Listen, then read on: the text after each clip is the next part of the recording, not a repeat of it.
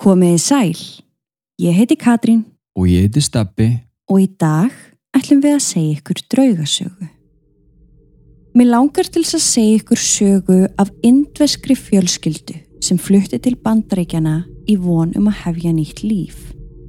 Þessi fjölskylda er ekki þekkt og húsið sem þau byggu í er ekki frægt.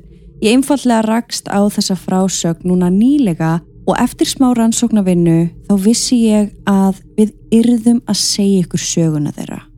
Og þá aðalega vegna þess að þetta er eitthvað svo eðlileg fjölskylda. Jú, við höfum vissulega sagt ykkur sögur af fjölskyldum áður sem að hafa búið við draugagang. En oftar en ekki þá er sagan á bakvið húsið blóðug og skuggaleg. Maður finnur gamlar bladagreinar þar sem fjölskyldan segir frá sínum upplifunum eða les um smáatriði málsins í bók eftir vorenhjónin.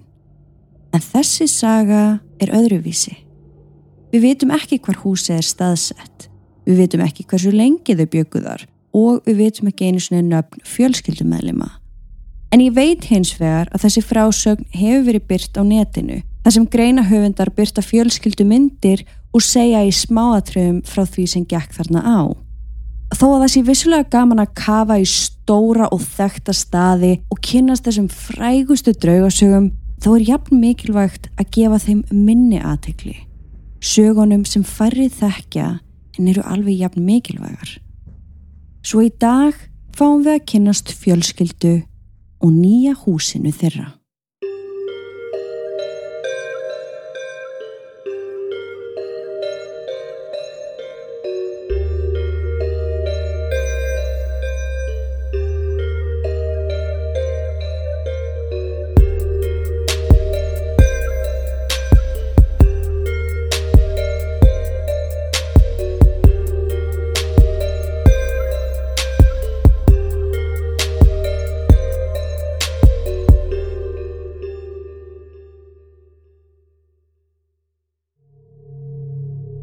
Við viljum minna á að draugarsöðunar okkar eru ekki við hæfi barna yngri en 13 ára nema með leifi fullorna.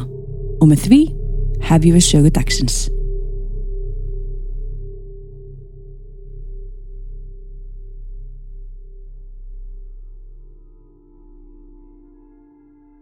Amara bjó með móður sinni Líu og föður sínum Emanuel í Kuwait sem er land staðsett á milli Sáti Arabíu og Íraks.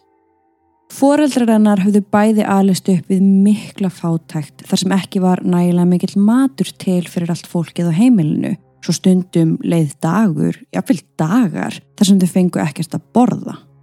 Fötin sem þau klætust saumuðu sjálf og aðgangur að vatni eða rafmagni var alls ekki sjálfgefið. Þegar þau eignast síðan að möru þá er þau staðráðan í því að taka meira pláss í heiminum. Þau vissu vel að þau myndu aldrei verða rík en þau vildi ekki lenda í því að eiga ekki fyrir mat eða öðrum nöðsynjum.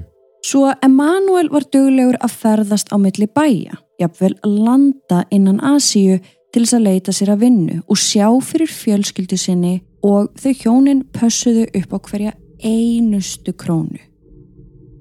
En síðan ákveði fjölskyldu fæðurinn að reyna fyrir sér í Ameríku og þá versta tíma. Lía var ófrísk, komin sex mánuð á leið og ekki svo spenntast að vera eini í því verkefni ásamt því að hugsa um dóttir þeirra.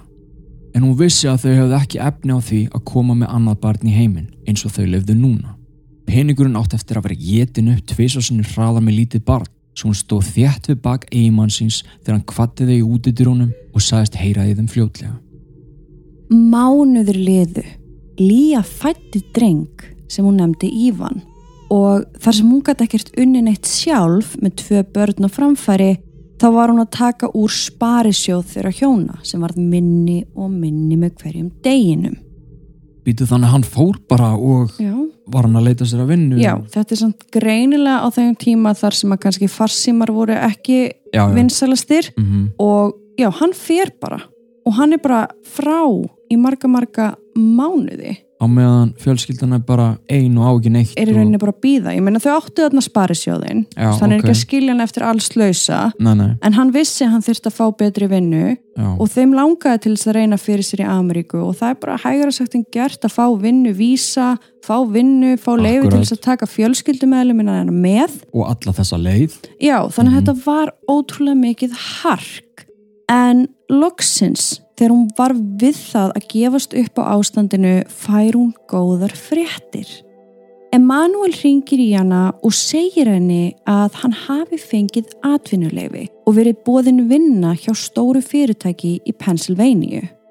Hann saðist vera að koma með húsanda þeim í fjölskylduvænu hverfi og bað konu sína um að pakka neður og taka börnin með sér í næstu flugvél. Vá, Að sjálfsögðu var þetta rosalegt sjokk fyrir Líu með sex mánuða gamalt barn á arminum og dóttur sína að möru sem var fjórum til fimm árum eldri. Hlustað á allan þáttinn inn á áskriftasíðinu okkar patreon.com skástrík draugasögur. Það er auðveldar en þú heldur og fáðu aðgang að yfir 350 þáttum, rannsóknum okkar, sönnunagögnum, viðtölum, mymböndum og okkar geysi vinsalu mánudags mínisögum ásamt alls konar aukaefni. Allt saman strax við skráningu. Engin binding og meiri sem sér app fyrir alla þættina til að auðvelda þér aðgengið. Svo eftir hver er þetta býða? Vilt ekki vita hvernig sagan endar?